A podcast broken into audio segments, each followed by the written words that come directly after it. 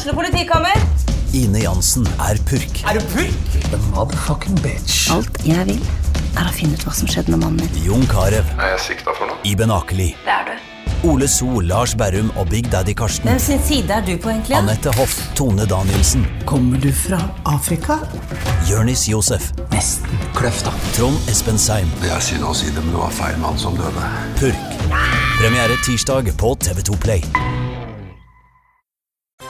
Level Up er powered by Komplett.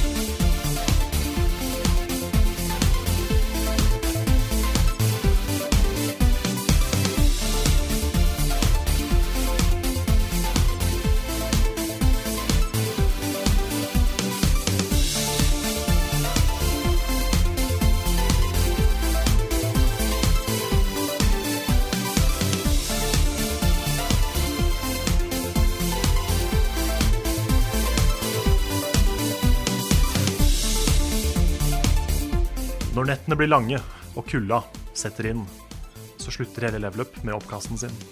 Dessverre. Dette er siste, i hvert fall sannsynligvis siste episode av Level Upcast, eh, Rune. Det er det. Um, vi vet jo ikke helt hva som skjer i 2016 ennå. Nå er det um, Ja, de fleste som hører den podkasten, har jo fått med seg at Level Up som egen satsing i VG og VGTV legges ned fra nyttår. Eh, Men så er det også sånn at eh, i begynnelsen av januar så legges det ut eh, tilbud om sluttpakker. Eh, de skal dele ut 40 av de sluttpakkene. Og vi sitter jo og vurderer det seriøst. Ja, det spørs jo om det bare er 38 igjen etter at vi er ferdig eh, med det spørsmålet. Det, det kan jo hende. Vi vurderer Vi har et, eh, et av mange, for så vidt, eh, vanskelige valg foran oss. Så ikke godt å si hva som skjer i januar en gang. Nei, og da er det heller ikke så godt å si hva som skjer med podkast og sånne ting heller. Men det vi i hvert fall uh, har gjort nå, da, er som en siste greie, så har vi tatt med oss så mange som mulig av Level Up-gjengen uh, på hytte. Hytta til Jon Cato, faktisk, eller familien til Jon Cato, da. Uh, så vi er samla her hele helgen, siste helgen før jul. Vi spiller inn hele den aller siste episoden av Level Up på VGTV eh, her. Eh, vi aker og spiser pannekaker. Jeg har spist altfor mange pannekaker akkurat nå, kjenner jeg. uh, vi spiser god mat, vi hygger oss, vi skal dele ut gaver osv. Det blir en ordentlig ordentlig hyggelig helg. da Sånn fin avslutning på, på greiene. Ja, definitivt. Jeg, jeg, jeg tenkte veldig på det når vi, når vi ankom hytta i går. Dette er jo spilt inn på lørdag, og vi kom på fredag. Reiser hjem i morgen. Og jeg bare Når vi ankom hytta, og liksom Folka var her, og det var kjempefint. Det er liksom, Når jeg tenker hytte, det jeg sagt flere ganger i løpet av opp, oppholdet vårt, men da tenker jeg liksom litt sånn sliten, grå, eh, litt sånn stygg bygning med utedass, ikke strøm. I hvert fall ikke noe gøy å finne på. Eh, Det er liksom bare spille yatzy med mamma som har vært greiene. Så um, jeg har ikke så mange sånne gode hytteminner. Det har alltid vært veldig kjedelig. Men dette her er noe helt, helt annet. Så dette her har jeg gleda meg til, og det har vært kjempekoselig. Det er kjempefint her. Det er to etasjers gigahus ute i Gokk. Som er, eh, er det flotteste hytta jeg har sett. Og det er bra folk, og jeg kos- storkoser meg. Det er kjempehyggelig. Ja, og nå er jo på en måte Klokka er sånn uh, halv fem-ish på ettermiddagen. Vi har spist pannekaker, som sagt. Vi har også spist egg og bacon tidligere i dag. Og før det igjen så var det noen av oss som var tidlig oppe, som har uh, spist frokost. Noen av oss. Ja, jeg har med dattera mi, Jon Cato har med sønnen sin. Eh, og akkurat nå så er det liksom halvparten av gjengen ligger utstrakt uh, etter aking og sånt. Og da tenkte vi vi trekker oss tilbake. Så lager vi uh, hele Level Upcast, den siste episoden av Level Upcast, på et hjørne på kjøkkenet. Det gigantiske kjøkkenet. Ja. Jeg kan ikke huske sist jeg var ute og aka. Men det er sånn her, når vi gjør det, så tenker jeg på hvorfor gjør jeg ikke dette oftere? Dette er koselig. Det er liksom, det er gøy. Jeg har ikke vært på fjellet sikkert siden jeg var eh, 16 eller sånt. Så det er, eh, dette er lenge siden. Jeg er også blitt byrotte. Jeg trives best i byen og er ikke sånn super eh, Det er ikke det første jeg tenker på når jeg skal liksom ha en helg borte og dra. Da vil jeg heller til New York eller et eller annet sånt. da Men eh, hytte er veldig koselig. I går så spilte vi Besserwisser. Eh, laget til meg og Jon Cato vant etter en ganske intens opphenting. Ja, eh, dere, dere gjorde det. Dere lå bak hele veien. Men så kom dere til slutt. Og det, det var jo veldig jevnt. Vi tre andre var jo på samme plass. Sånn sett så var det ikke noen tapere. Så det er solidarisk og hyggelig. Ja, det er det. Vi, eh, altså det blir jo ikke en helt vanlig podkast, dette. Vi har fått inn massevis av spørsmål fra, fra lyttere. Eh, De fleste av de spørsmålene går jo på eh, vår tid i level up og sånne ting. Eh, Så vi tenkte å mimre litt, vi også, egentlig. Eh, Vanligvis så har vi jo nyhetssaker og masse andre ting, liksom. Men eh, den eneste lille nyhetssaken vi hadde tenkt å nevne denne gangen, fordi det skjedde liksom rett før vi dro på hyttetur, det var jo at Hideo Kojima dukka opp fra det store mørket ved siden av, av Hva heter den, da? Sjefen i Sony. Ja, han er rett og slett Sony-duden, i hvert fall. Ja, jeg, burde, jeg har intervjua ham før, så jeg burde huske akkurat Jeg burde huske hva han het. Ja, Det det er så mange navn. Det er mange navn. Um, uh, Hideo Kojima går indie. Han skal eh, lage spill og kanskje andre ting, men han skal gjøre det med støtte fra Sony. Så de spillprosjektene blir da sannsynligvis eksklusive PlayStation-ting. Og det er vel nevnt at eh, første spillprosjektet er et eller annet MEC-relatert. Ja, det, det stemmer. Og det var sånn Det kanskje koseligste med den videoen som ble lagt ut, det var hvor glade begge to så ut som de var. Det var sånn, sånn genuin Det var sånn genuin glede da, over å se at eh, Kanskje mest av alt at eh, Kojima har kommet seg ut av det der eh, forferdelige, brennende selskapet Konami. Det, det unner jeg ham. Han er flink, og han fortjener bedre sjefer enn det det høres ut som han har hatt der. Jeg er veldig veldig, veldig spent på hva han uh, kommer opp med. Det er jo ikke sånn at alt Hideo, Kojima har tatt i, er sinnssykt bra uh, utenfor Metal Gear-universet. Han har jo lagd et uh, spill som heter Boktai, som eh, var på, uh, på uh, Gameboy Advance. Eh, Det var et sånn vampyrspill. Du måtte ta den med fysisk ut i solen for å drepe vampyrer. Litt sånn leit for, eh, eh, for oss i Norge å spille på vinterstid, for det er ikke så mange soltimer i døgnet, f.eks. Ganske interessant, men ikke noe sånn groundbreaking voldsomt, i hvert fall. Eh, og så har han også eh, et sånn mech-slåssespill som, eh, som også er bra, liksom. Det er ikke på en måte like stort og viktig som det Metal Gear-spillene har vært. Så det er ikke gitt at alt han tar i, blir til gull. Uh, men jeg tenker at ok, nå har han frie tøyler. Uh, han kan gjøre på en måte det han vil hvis han får penger nok til det. Og det er veldig spennende å se hva han kommer opp med da. Ja, Han har jo også sagt at han har lyst til å jobbe med Del Toro, så eh, det er jo spennende. Han sa at han kunne jo ikke si noe eller love noe ennå, men det at de fortsatt har kontakt, er jo spennende. Det er jo sånn at Når eh, et prosjekt som Level Up legges ned, så går man jo litt i seg selv, og man begynner å tenke litt på uh, hvorfor man har lagd det, hva som driver ens interesse for eh, spill osv. Vi har snakka mye om det de siste dagene og tenkt å gjøre det her også. Um, hvor er det liksom egentlig spillinteressen vår starta, og hva er det vi husker som liksom de store spilløyeblikkene opp igjennom? Hvorfor? Hvorfor er det så viktig for oss å holde på med et uh, sånt uh, program som Level Up? Ja. prosjekt som Level Up? Um, hva var det første spillet som fikk deg interessert i spill, Karl? Nei, det var, eh, det var jo det første Sonic the Hedgehog. Som var eh, Jeg tror det var det aller første spillet jeg spilte. For jeg hadde, jeg hadde nesten Jeg var veldig heldig, for jeg hadde nesten en pappa i Nintendo. Jeg hadde en onkel i Brio. Og han hooka meg opp med en eh, ganske billig Sega Mega Drive. Som jeg brukte tror jeg 10-11-12 ukelønner på å kjøpe. Og da kjøpte jeg Sonic. eh, spilte det til døde sammen med Mickey Mouse, Castle of Illusion og litt sånne ting. Um, og han onkelen min hadde jo også en stue som var bare stappfull av Sega Mega Drive-spill. Han hadde sånne obskure ting. Han hadde Sega CD og sånne rare ting jeg aldri har sett før. Um, og han var jo kul. Han var verdens kuleste onkel, så jeg fikk jo låne alt sammen.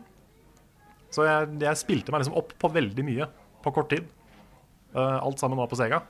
Så hadde jeg venner som hadde Super Nintendo og sånn, så jeg fikk jo spille litt sånne ting òg. Men uh, det var definitivt uh, Sonic the Hedgehog. Og så Sonic the Hedgehog 2, eh, som liksom virkelig sementerte den der ung, ungdomsinteressen. Når jeg var fire-fem. I tillegg da, så hadde vi faktisk Det var på den tida litt revolusjonerende. Jeg vet ikke om det er det i dag, kanskje. Men eh, barna fikk lov å leke med en PC eh, i barnehagen.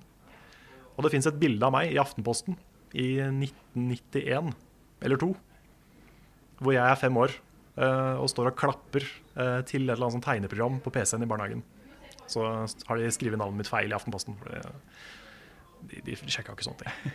Men, eh, men det fins avisutklipp som mamma har tatt vare på. Så det var, det var starten. Hva med deg? Nei, jeg er jo Jeg syns jo det er litt morsomt uh, å si det. Fordi mitt første spill var jo Pong. Da starta du liksom på starten. Ja, jeg starta ikke på starten fordi Pong ble vel eh, lansert som hjemmespill sånn på midten av 70-tallet.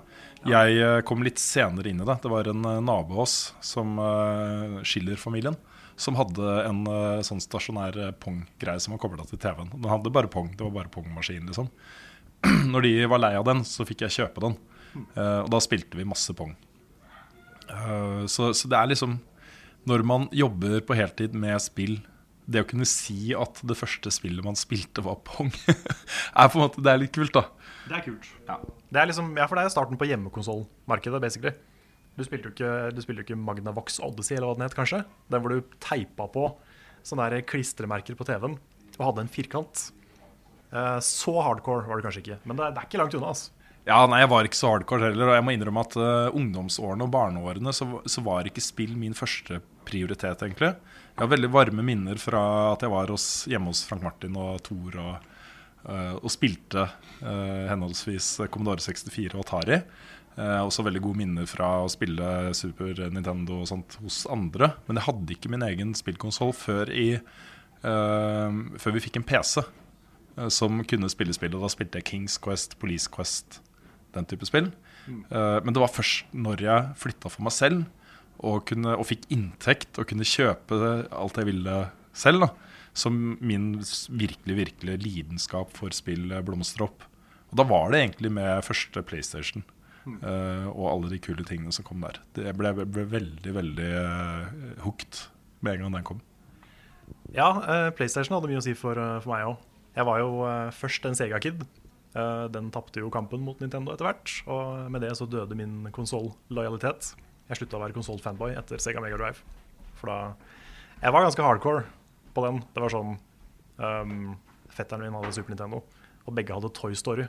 Uh, og så var det et brett i Toy Story på Sega Mega Drive som var sånn 3D, og det var bare på Mega Drive. Så det var mitt prima argument for at Super Nintendo suger.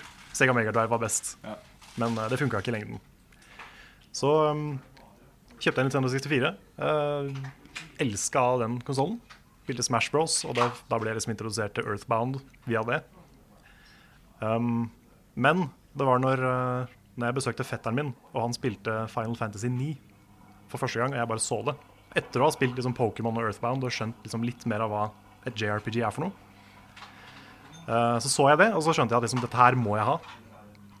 Så uh, jeg kjøpte meg det elska det spillet. Det var liksom Det var det spillet som gjorde meg oppriktig sånn engasjert i spill som en kunstform. Da. Det var det som liksom viste meg potensialet i spillmediet. For der var det sånn at jeg ble oppriktig glad i alle figurene. Jeg tror jeg begynte å grine på slutten. Og det var, veldig sånn, det var en veldig sånn stor, ny opplevelse. Da. Um, og det førte jo igjen til at jeg havna på et fanforum. Et Final Fantasy fanforum, hvor jeg møtte den første kjæresten min, som bodde i Los Angeles. Så det er jo set up to succeed. Um, det var liksom, vi var sammen i halvannet år og var fysisk sammen ti dager. Så det var en opplevelse. Um, så fikk jeg en av mine beste venner via det forumet, som jeg fortsatt har mye kontakt med. Som har vært i Norge og uh, til og med vært med på en level up-innspilling og alt mulig. Uh, så det, det, har hatt ganske mye å si.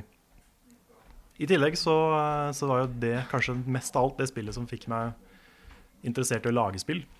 Så jeg lasta jo ned um, Kjøpte, lasta ned RPG Maker 2000.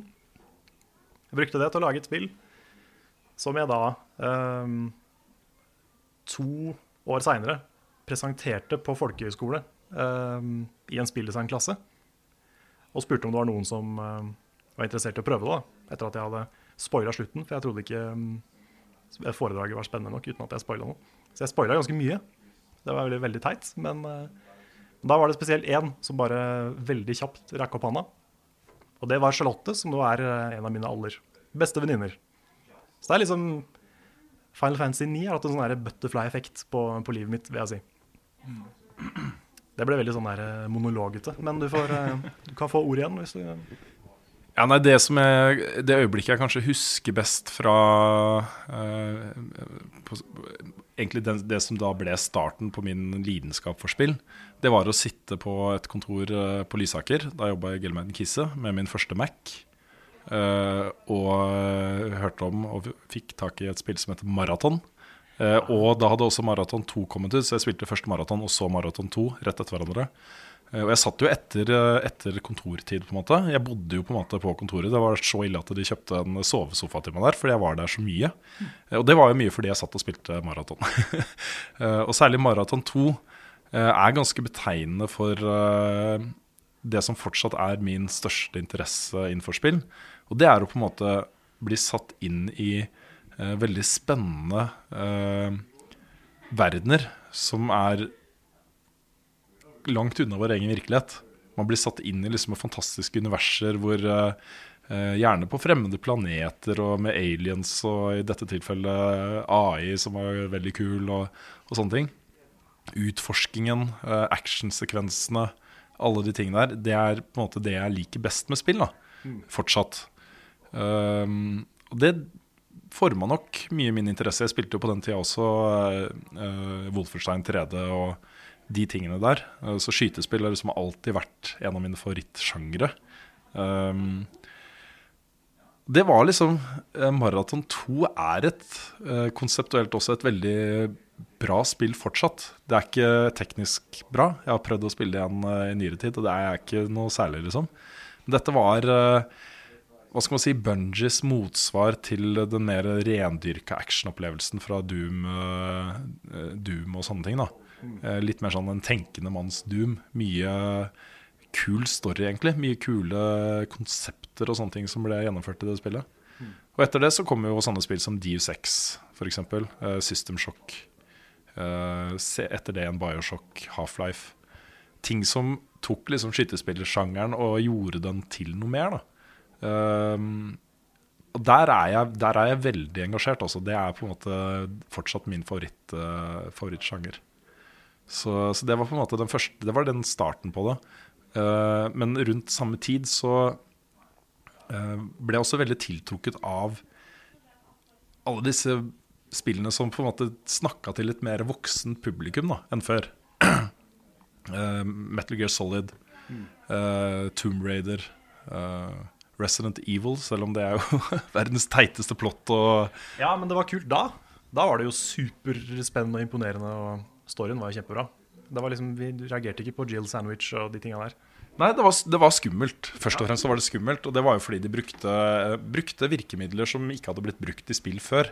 Nå er det jo ikke det spillet som på en måte fant opp survival horror-sjangeren. Jeg lurer på om det tilegnes Alone in the Dark. Jeg er ikke helt sikker. Ja, det er noe som er på SNES òg, som er sånn her eh, Scissor Man, eller noe sånt. Som var noe av det første sånn ordentlig survival horror-greiene. Men eh, det er mulig det var noe på PC før det igjen. Det vet jeg ikke.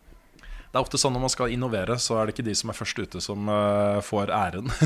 ofte de som bare gjør det riktig først. Ja, prima, prima eksempel er Angry Birds, som egentlig bare er uh, Crush the Castle fra Newgrounds eller noe sånt. Det er bare gjort om til fugler. Men det er de som, eh, de som klarte det. Så, så der var det veldig mye kult. Um, og etter det igjen så er det egentlig da, da på en måte det begynte å komme Jeg må også nevne, forresten, jeg begynte å jobbe i VG97. En av de første tingene som skjedde der, var at, jeg, at uh, han som da jobba i Bergsala med, som pressekontakt, kom liksom kjørende til VG med uh, Nintendo 64. Den ble vel lansert tror jeg, høsten før, i 96 i Norge, hvis ikke jeg husker det feil. Eh, og da fikk jeg den med liksom Super Mario 64 og Selda. Zelda.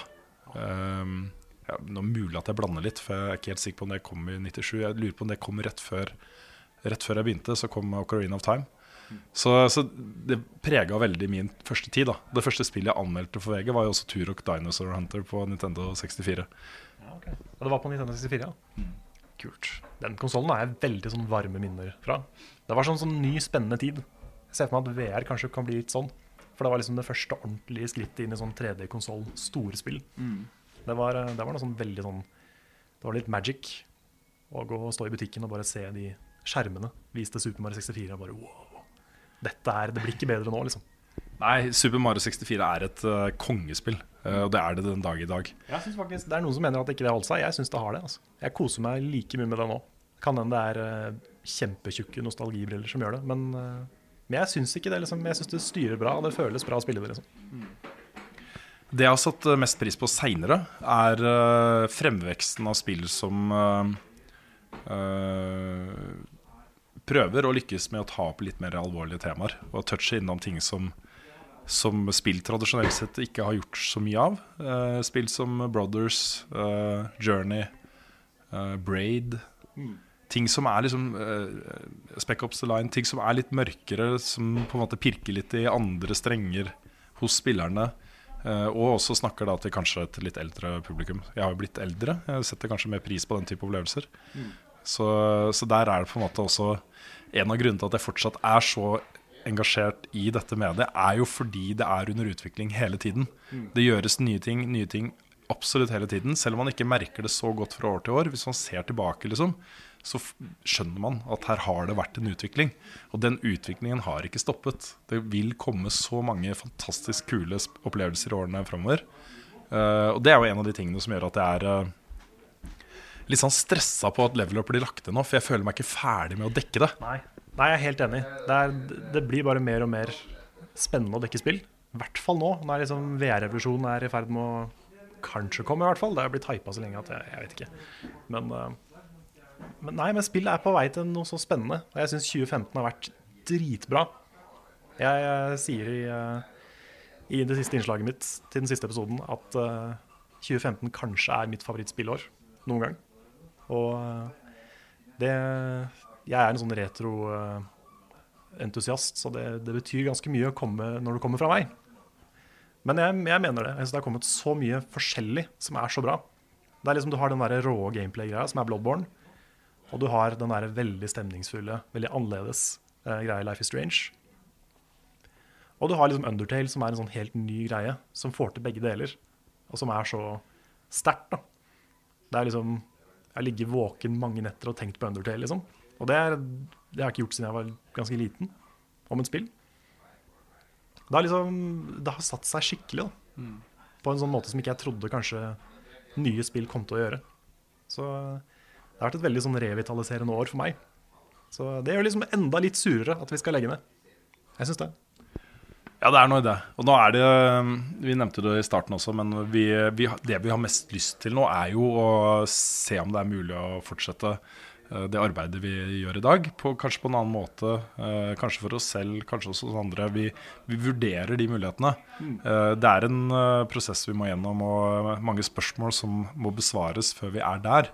Men jeg må også si liksom at all den støtten vi har fått på nett og kommentarer og støttegrupper og sånne ting, har jo hatt en effekt. Det har liksom eh, gjort at man eh, kanskje kommer litt ut av den gropa vi havna i, og tenker litt mer offensivt på ting. da. Eh, og det har jo noe å si nå at uh, den, de dedikerte spillsatsingene legges ned overalt. Um, det gjør det kanskje mer aktuelt og interessant å starte et eller annet. Men uh, dette er liksom hva skal man si, grovskisser til en mulig framtid. Vi, har- vi ikke, har ikke landa på det ennå.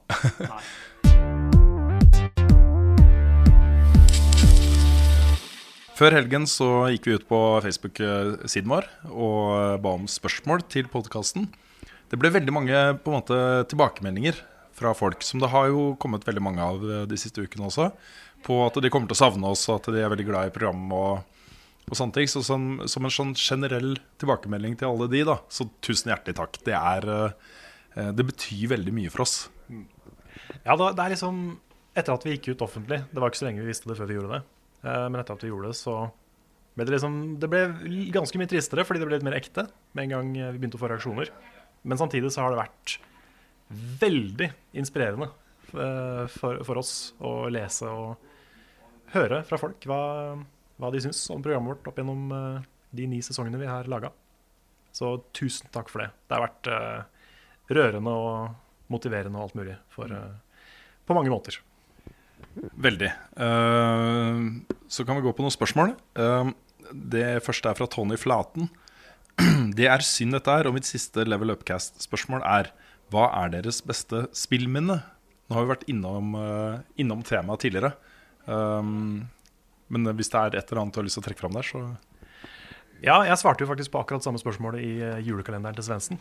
Det er jo kanskje ikke julaften ennå, så jeg, mm, det blir litt repetisjon på julaften. Men eh, det er nok kanskje slutten på Final Fantasy 9. For det var, eh, det var den store, liksom Det var liksom det øyeblikket som jeg bare Shit, dette er det spill er i stand til å få til. Så kanskje det. Jeg sitter og spiser litt godteri, så Ja, ja det er bare kult. Ehm, Det svaret mitt der er egentlig forskjellig hver gang noen spør. Fordi jeg har så mange veldig store og sterke spilløyeblikk. I nyere tid så er det nok Raiden i Destiny, uh, Walter Glass og Kingsfall Fall særlig. da Eh, Hvor man sitter med fem kompiser og gjør noe for første gang. Lærer seg hvordan det funker og finner ut av det på egen hånd og alle de tingene der. Det er eh, satt opp mot liksom at skytespill er kanskje min favorittsjanger, og det å utforske nye spennende steder er min favorittting å gjøre i spill. Når du får disse raidene i Destiny, som er helt isolert sett, liksom eh, Ta det bort fra resten av Destiny-opplevelsen, og bare ta det for den spillopplevelsen det er, så er det insane bra. Uh, hvor alle må bidra, alle må samarbeide. Du må finne liksom de svake punktene i bosskampene. Du må uh, løse puzzles og finne veien videre. Og alle de tingene som jeg elsker i spill, må du gjøre der. Og så er det vanskelig. Det er en utfordring, og når du klarer det, så får du bra lut, liksom. så så det, er, det er Om 20 år så kommer jeg kanskje til å si det, liksom Walter Glass, f.eks. Um, men av andre ting så tror jeg nok kanskje det jeg har satt mest pris på, det var å spille først Half-Life 1 Deathmatch i klan. I, eh, på Clanbase, i uh, cuper og ligaer og sånne ting. Med liksom eh, ferdig oppsatte matcher mot andre lag. Og vi spilte jo på internasjonalt, eller på europeisk nivå, da. eh, blant de beste klanene i Europa. Og det var liksom Den følelsen av å delta på den type konkurranse for første gang var så sterk. Og jeg ble kjent med så mange mennesker fra hele Europa, og det var bare, hele pakka var så kul. Så det var ikke liksom Half-Life 1 det største e-sportspillet ever, liksom. Og kanskje derfor jeg likte det så godt, fordi det var en, et miljø som levde litt på siden av de andre store, store tingene. Uh, men der husker jeg liksom så mange netter hvor jeg satt særlig med Nils da i Nederland og spilte i uh, to mot to-ligaen på Eller ladder-systemet til Clanbase. Mot liksom skikkelig bra folk, og vi ble liksom bedre og bedre. Og den følelsen var liksom så sterk, da. Ja. Veldig, veldig kult. Ja, eh, det er egentlig det først, først de siste par åra at jeg har begynt å spille mye multiplayer. Og jeg klarer ikke å peke på liksom ett øyeblikk som har vært veldig sånn sterkt, men eh, det har vært utrolig gøy, liksom, enten det er Civilization eller Destiny eller, eh, eller Ark som vi spilte. Eller Bloodborne, som har vært veldig gøy i det siste. Vi har streama nesten bare Bloodborne men, i år. Jeg har streama litt annet ting òg, men uh, mye det. Og uh, ja, Minecraft Hardcore-serien vi har laga. Liksom sånne ting har vært veldig gøy. Altså. Det er sånn først de siste åra jeg har begynt å liksom virkelig sette pris på det. Online multiplayer med folk man kjenner godt og liker å henge med. Det er, det er gøy. Innmari morsomt. Um, vi har fått et spørsmål fra eh, Robert, Robert A. Olsen. Robert. Robert, faktisk. Ja. Han skriver eh, som mange andre at det er kjempetrist at dette blir siste episode. Og vite at dere har fått en spesiell plass i hjertet mitt. Og du har fått en spesiell plass i hjertet vårt, eh, Robert. Det har du. Eh, Det er ikke lett å se på dette Se på at dere må legge ned uten at jeg får gjort noe med det. Spørsmålet mitt er vel ikke så veldig spillrelatert, men siden det er jul, tenkte jeg det var passende. Hva er den beste julegava dere har fått? Og beklager stemmen, jeg hører nå at den er litt sånn Jeg er forkjøla, hadde jo standup-show. Ja, ja, men uh, kommer du på noen gode Ja, det gjør jeg. Og denne er til og med spillrelatert. Så nå kan jeg dra det tilbake på spill med en gang. Bare for å gjøre det. Uh, det var en jul som uh, jeg og samme fetteren som, uh, som viste meg Final Fantasy 9 for første gang. Vi skulle feire jul sammen. Og begge ønska seg basically overalt i hele verden PlayStation 2. Uh, for det var det året Det var kanskje året etter, det husker jeg ikke. Men, uh, men det var to gaver. To ganske svære gaver. Men det var ikke like stor størrelse på de. Så da tenkte vi at én av oss kommer til å få PlayStation 2. Og vi gikk rundt og var kjempestressa. Fordi enten så kom eh, jeg til å bli kjempeskuffa, eller så kom han til å bli kjempelei seg. Så vi, det var liksom bare vi var stille, og det var sånn ubehagelig eh, hele kvelden, hele middagen, eh, før vi endelig skulle åpne opp.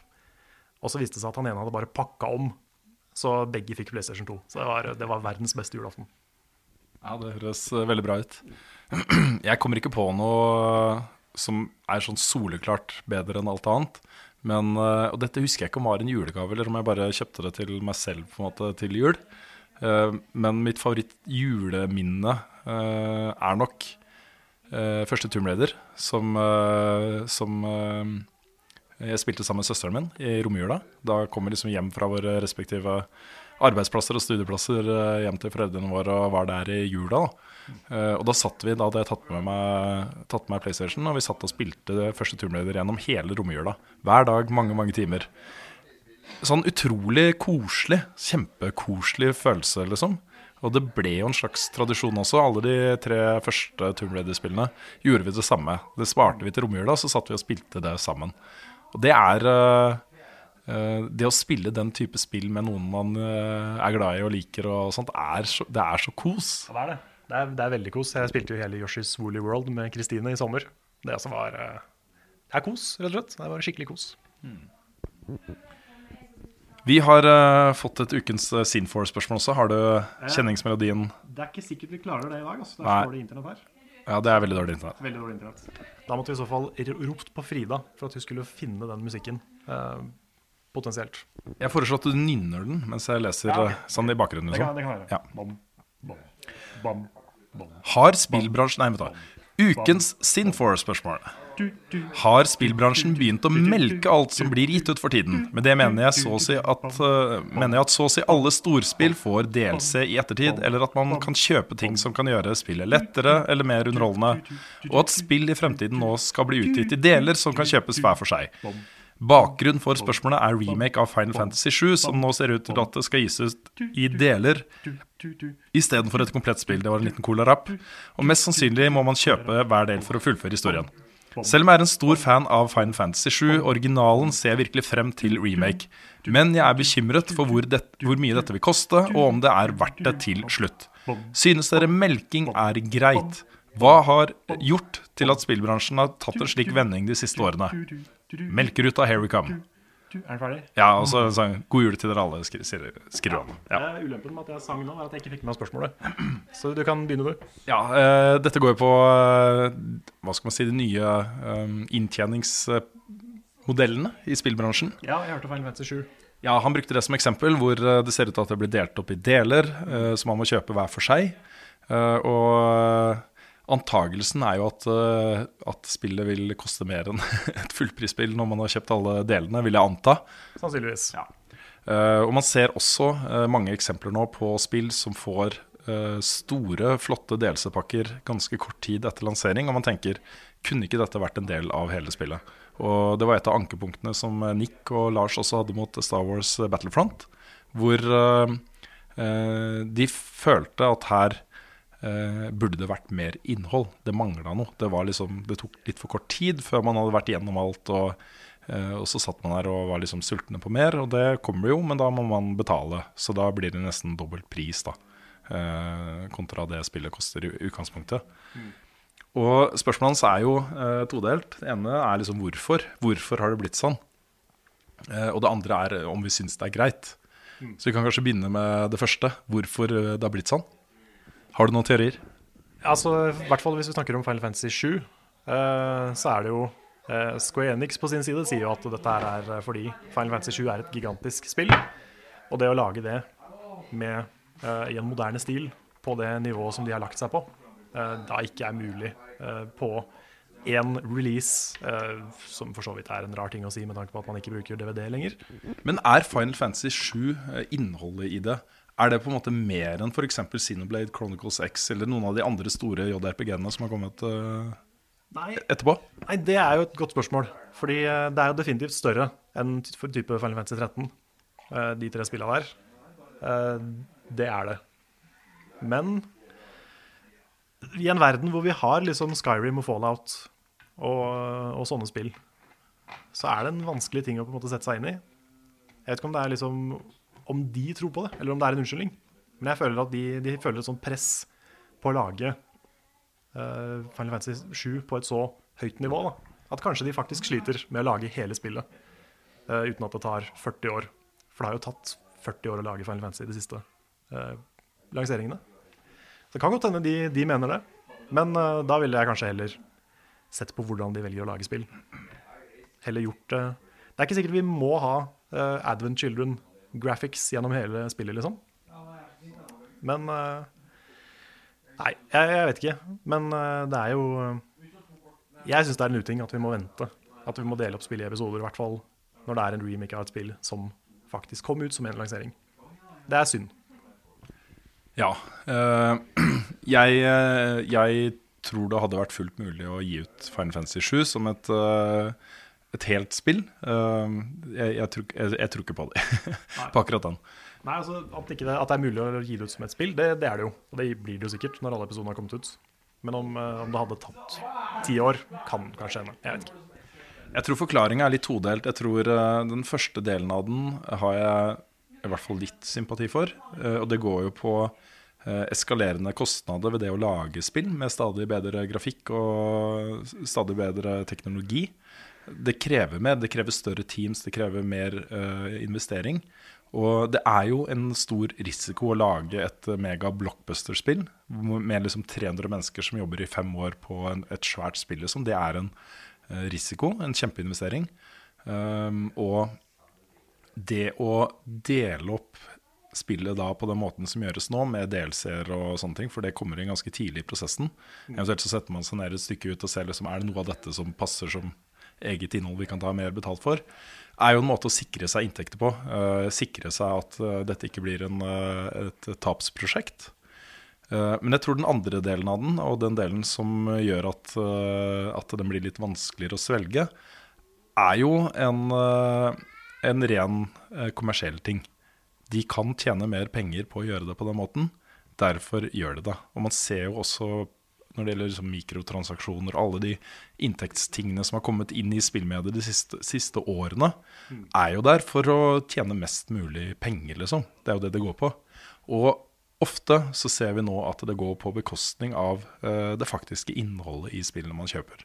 At uh, innhold blir utelatt fra spill fordi de ønsker å tjene mer penger på det. Eller at det legges inn liksom vanskelige murer da, du møter som spiller, som på en måte krever at du skal bla opp mer penger for å komme videre. Den type ting. da.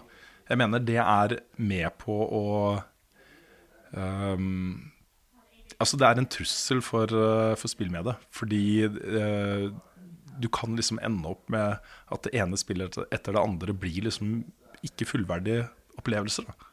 Og det vil få folk til å vende seg bort fra spillmediet. I hvert fall mange. Mm. Ja, det er jo et skritt vekk fra liksom spill som kultur og som uh, si, sånn, Sammenligna med litteratur og film. Eh, sånne opplevelser, og mer et skritt mot sånn type spilleautomater, pachinko-maskiner. Den type kultur, da. Det er skummelt.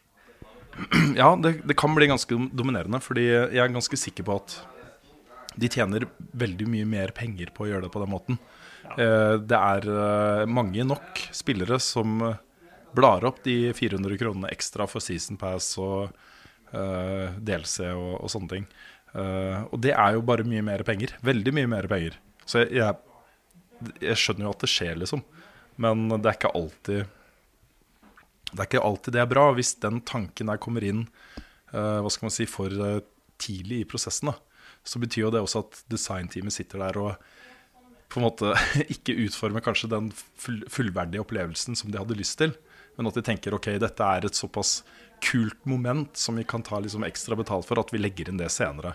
Og så får man et utvanna produkt. Man får et utvanna spill som kanskje ikke har den tilfredsstillende slutten man ønsker seg, eller den uh, interessante sidestoryen som bygger opp under uh, uh, rollefigurenes motivasjon, eller hva som helst. Liksom. Noe som kunne flesja ut historien, gitt den mer mening, gitt den mer dybde, mer kontekst. Mm. fordi de ønsker å tjene mer penger på, på spillet ved å dele det opp. Og det er på en måte det er en trussel mot, uh, mot spillmediet, mener jeg, da. Ja, jeg føler jo spillmediet har uh, kjørt seg sjøl litt i grøfta på det med Kanskje spesielt det med grafikk. At det har alltid vært det som har vært så viktig. Helt siden NES, og kanskje enda tidligere. Så liksom, de har, de har pusha grafikk, de har markedsført grafikk som den store tingen som man skal liksom se på, som skal vise fram. Trailere bare viser å, det er så bra grafikk. Skulle, det er bare det vi prata om på skolen, på barneskolen. Og for så vidt hele skolegangen. Det var først når jeg begynte på spilldesignskole at vi faktisk snakka om spilldesign. Så det har vært en ganske negativ uh, greie da, som har vart i mange år, som de ikke helt blir kvitt. Det, er, det er det som er så kult med indie-bølgen, uh, at de liksom har approacha spilldesign på en helt annen måte. De viser at liksom person kan lage til og med et veldig pent spill, bare man ikke liksom legger seg på hyperrealistisk 3D-modeller som 40 personer må lage én figur på fem måneder, liksom. Det er, eh, det er en utvikling som kanskje ikke har vært bra på en stund. Jeg vet ikke. Ja, eh, men, men, kanskje bare i deler av spillbransjen også. fordi eh, Du nevnte jo tidligere at 2015 er kanskje ditt favorittspillår noensinne. Det og det skal man ikke glemme. Det er jeg, jeg, kan åpne den etterpå. Du kan komme hit til Mika som skal åpne. Vi sitter og tar opptak, skjønner du. Jeg har datteren min på besøk, så nå skal jeg åpne ja. en sjokolade for henne. Bare kom, du. uh, fordi det har, har, vært et veldig bra spillår. Uh, og hvis du venter bitte litt, Mika uh, Det som Ja, det er Salle. Jeg sitter og spiser litt godteri. Mika, kom tilbake med den, da. Ja, tusen takk. Vi må ha litt godteri, vi også. Ja, ja, ja. Uh, det skal man ikke glemme. Å ta et spill som The Witcher 3, for eksempel, som først fikk en hel haug med gratis delelse, og så fikk to store delelsepakker med saftig uh, innhold som utvida spillet på riktig måte. Det, det, skjer jo også. Det er også viktig i det. Så, så det er ikke sånn at alle gjør sånn nå, men det er en, en trend da, for deler av Nå stakk Mika av med godteriet vårt. Jeg gjorde det. Jeg gjorde det? Nei. Jeg snakka med sjokoladen. Ok. så, så det, er ikke, det, er ikke, krise, liksom. Eh, det, det, gjøres mye riktig også i spillmediet. Men uh, det er ikke alle altså det, det, er en generell utvikling som, som gjelder mange. Og det, derfor så er det et eh, problem. Ja, fordi det blir jo mer og mer vanlig, og det er det som er skummelt uh, med sånne stygge mikrotransaksjonsmodeller og uh, bare sånne ekstreme mengder med unødvendig DLC og sånne ting. Men det er derfor det er så viktig å si fra. Ikke la det bli standarden på en måte. Ikke slutt å bli sinna. Er uh, kanskje noe av det viktigste. For det, det, lønner seg å si fra. Mm. Og man har jo sett mange ganger at uh, litt sånn outrage har uh, hatt en effekt. F.eks. da Xbox One ble kunngjort for første gang, var det jo ingen som likte det der Always On-systemet som den hadde. Og da ble det trøbbel, og så forandra de det. Så um, ikke slutt å være sinna ennå. Bare vær saklig og liksom fortell hvorfor dette her er en negativ utvikling, så er det ikke umulig at man faktisk blir hørt. Godt sagt. Uh, neste spørsmål er fra Daniel Nyland Kolstrøm. det har vi for så vidt også på delvis vært innom. Uh, hva slags spill tror dere Kojima kommer til å utvikle nå? Med tanke på den nye logoen til selskapet ser det nesten ut som om man planlegger å lage en spirituell oppfølger til Zone of the Enders. Uh, og det er absolutt ikke en dårlig ting. Discuss. Vi eh, var inne på det, og han har jo nevnt at uh, det vil være sånn delvis Mac-relatert, uh, det første spillprosjektet. Men han sier jo at han For det første så sier han jo at han kommer til å fortsette med å lage spill hele sin karriere. Men han sier også at han har lyst til å utforske andre medier, film og, og, sånne ting. Um, så det er liksom helt åpent hvor han kommer til å gå. Jeg håper at det blir noe som ikke ligner på noe annet. Det er egentlig det jeg håper mest. Ja, jeg håper, han, eh, jeg håper han fortsatt lager PT. Det er vel egentlig det jeg håper mest. Det er jo ikke min sjanger i det hele tatt. Jeg kommer ikke til å tørre å spille det. Jeg bare vil at det skal finnes. Så eh, det trenger ikke å hete Silent Hills, det kan hete noe helt annet. Men bare vær det spillet. Ja. Det håper jeg også. Uh, Tor Helge Togvold lurer på om vi reparerer Triforcen som Carl ødela til siste sending. Det var jo han som han lagde den for oss. Ja, stemmer. Den, jeg skulle plukke fram den, og så datt uh, Det var vel Courage som datta, eller noe sånt. Så um, ja, den skal vi lime på. Det skal Vi gjøre. Vi skal gå gjennom alt vi har på kontoret, og da skal vi fikse den. Ole Kristian Rudstaden har eh, flere spørsmål, egentlig. Um, Det første er til oss begge. Hvem har hatt størst innflytelse på deres tanker rundt spill? Jeg kommer egentlig ikke på noe særlig der. Jo, forresten. Ehm, det var en periode på midten av 2000-tallet hvor eh, det var en del nye stemmer i spillkritikken som begynte å vokse, vokse frem. Nå husker jeg ikke navnet på alle sammen. Den eneste jeg kommer på i farta, er uh, Kieran Gillen. Som nå lager uh, graphic novels. Men han er liksom innom spill av og til uh, på liksom uh, Ja, men han skrev noen helt fantastisk gode tekster om spill. Eh, og det var særlig én tekst i det som ble kalt liksom New Video Game Journalism. Det var en sånn bevegelse. Eh, som jeg ikke husker hvem skrev, men uh, teksten var uh, Den het Bow Nigger.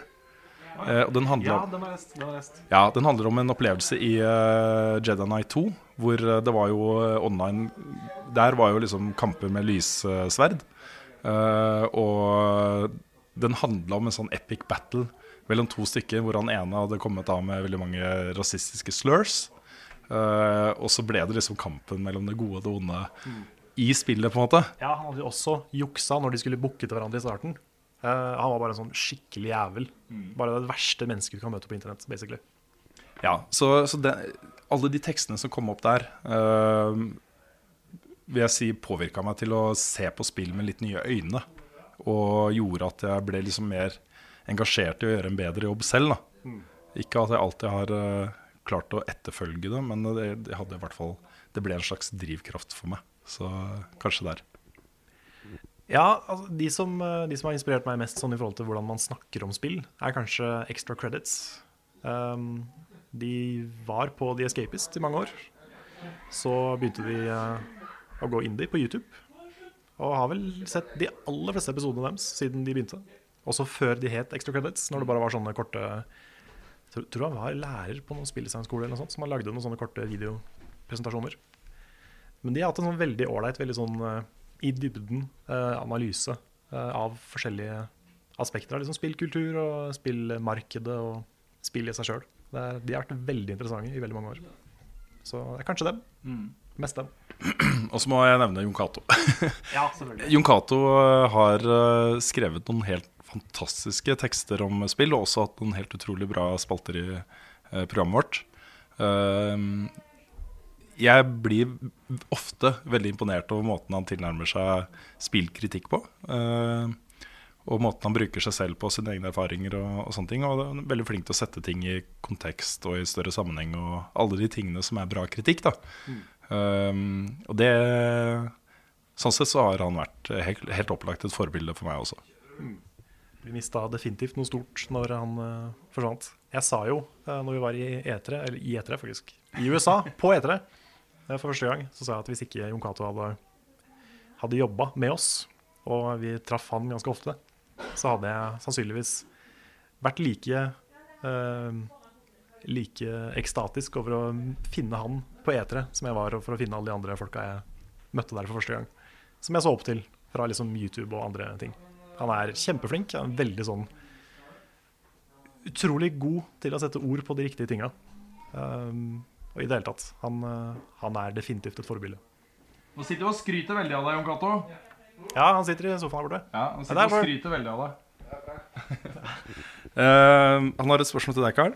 Hva Ja. tenker du om Nino Kuni 2, Revenant Kingdom? Ser du fram til det? Jeg ble veldig glad for å se det. Det var kanskje det kuleste, eh, med unntak av litt den der Final Fantasy 7-footaget som jeg ikke trodde vi skulle se på to-tre år. Som vi faktisk fikk se en del av. Men uh, Nino Kuni var et kjempebra spill. Jeg tror det var det første spillet jeg ga en sekser i level up. Så eh, kjempebra at det kommer mer. Jeg gleder meg. Men er det ikke et annet team som lager det enn det originale? I så fall har jeg ikke fått det med meg, men det er synd. Jeg vet ikke Kanskje ikke Studio Ghibli er med nå? Ja, vet du hva, Det var det jeg tenkte på, for Ghibli er jo ikke involvert lenger. Det er sikkert samme utviklerne. Ja, Ja. Mm. Men det er jo altså, spillet er bra. Det er ikke bare Ghibli-stilen og animasjonen og historien som er bra. Hele pakka er veldig bra. Så jeg, jeg har trua fortsatt. Even Ersland lurer på hva vi kommer til å huske best fra level up-perioden. Uh, han har også et tilleggsspørsmål. Hvorfor snakka Rune nordlandsk når han prøvde seg på den fine Storda- Storda-dialekta vår? Ja, det lurer jeg også på. Uh, jeg prøvde. jeg prøvde Det, kom, det kom feil ut. Jeg, jeg husker jeg tenkte det når du skulle prøve det. Så tenkte jeg oi, dette blir noe annet. Men uh, det var liksom blanding, blanding av Jon Cato, litt fri Jeg vet ikke om det var så mye Frida inni der. Var det det? Jeg har ikke peiling. Nei, jeg vet ikke. Men det andre spørsmålet, minne. For meg så er det hvor livredd jeg var den første turen til Boston aleine. Hvor jeg ble sendt til USA for å dekke Assassin's Creed 3. Det var jo veldig gøy. Jeg var bare veldig redd på forhånd og under turen. Veldig gøy etterpå.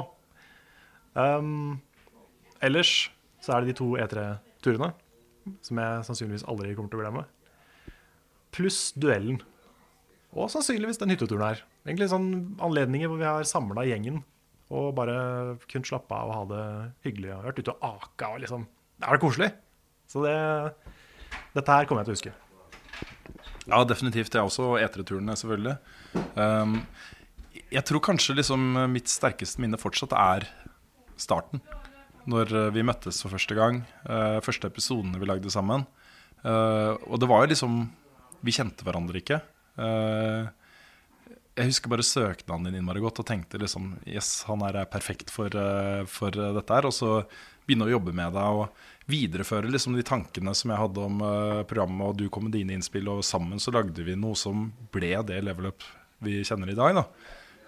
og den følelsen fra liksom starten der, det å drive fram den utviklinga, for vi ble jo bedre og bedre for hver episode som gikk, um, det bare føltes, føltes, så riktig og så bra. For jeg var bekymra.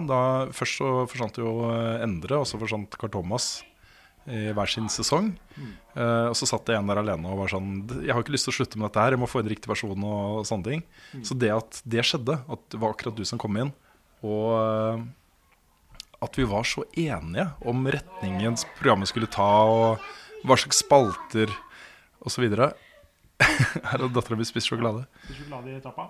Mm. Det, det, var sterkt for meg. Uh, starten, hele den oppstartsperioden. Mm. Jeg husker veldig godt at jeg fikk, sånn, jeg fikk skikkelig sjokk uh, når, uh, når, jeg så Jeg så først at dere hadde utlyst en stilling til programleder.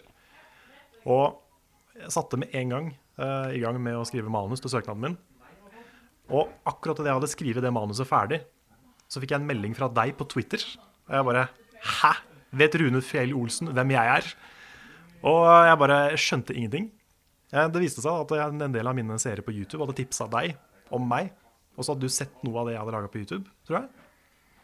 Så jeg bare Plutselig trodde jeg et øyeblikk at jeg levde i fremtiden. At jeg allerede hadde gjort ferdig en søknad uten å huske det. Det var, kjempe, superrart. Men jeg ble jo veldig, veldig gira med en gang.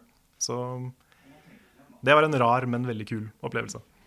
Og det at du allikevel satte deg ned og lagde en så fantastisk søknad, selv om du visste at jeg allerede var nysgjerrig og interessert, liksom. Ja, men Da måtte jeg i hvert fall bevise at jeg kunne gjøre noe.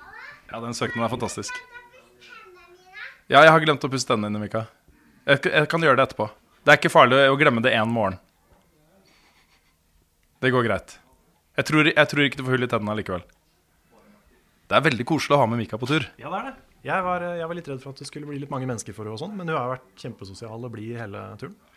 Slutter ikke å plage dere og kaster seg over dere og ja. nekter å gå. Hun var veldig glad i å snurre stolen min i går. Mm. Var, jeg fikk ikke lov å sitte sammen med de andre. Jeg måtte liksom snu meg rundt og se i veggen. Skal vi se. Uh, Martin André Radix spør oss.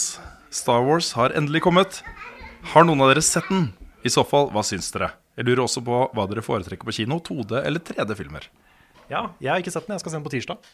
Jeg skal se den med Kristine før vi reiser hjem til jul. Så jeg rakk akkurat å pushe inn en Star Wars-visning før, uh, før, jula. Jeg har heller ikke sett den. Uh, jeg håper å få sett den sammen med noen kule folk i løpet av jula en eller annen gang. Ja. Men jeg er litt stressa fordi nå går den Jeg har lyst til å se den på hovedsalen på Colosseum.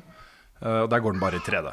Og jeg er ikke så glad i 3D på kino. Jeg vil helst se filmene i 2D. Jeg syns 3D er helt unødvendig. Ja, jeg er helt enig. Jeg liker ikke 3D i det hele tatt. Jeg synes Når det funker, type avatar, så er det kult-ish.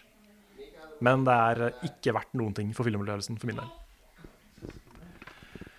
Yes, av et spørsmål fra Thomas Pollen Stavik. Hvem er den mest interessante spillkarakteren dere har enten spilt eller sett i et spill?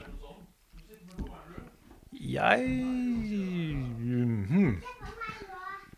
Jeg føler jeg, det er veldig kjedelig å si Final Fantasy 9 igjen, men Vivi fra Final Fantasy 9 var veldig sånn En veldig sånn fascinerende, veldig søt og samtidig veldig spennende figur.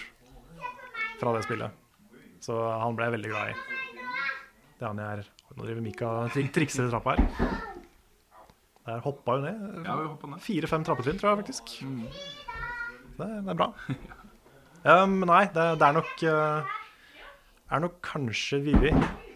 Men jeg har flere. Jeg må bare tenke litt mer. Kanskje du kan ta en? Jeg kan ta paret Snake. Er liksom en av mine favoritter. Uh, også fordi han er karikert, liksom. Men han er karikert på en veldig kul måte. Så han har liksom helt opplagt mye humor, men også mye alvor og mye dybde. Og han er på en måte et, eh, et verktøy for Gojima til å si ting.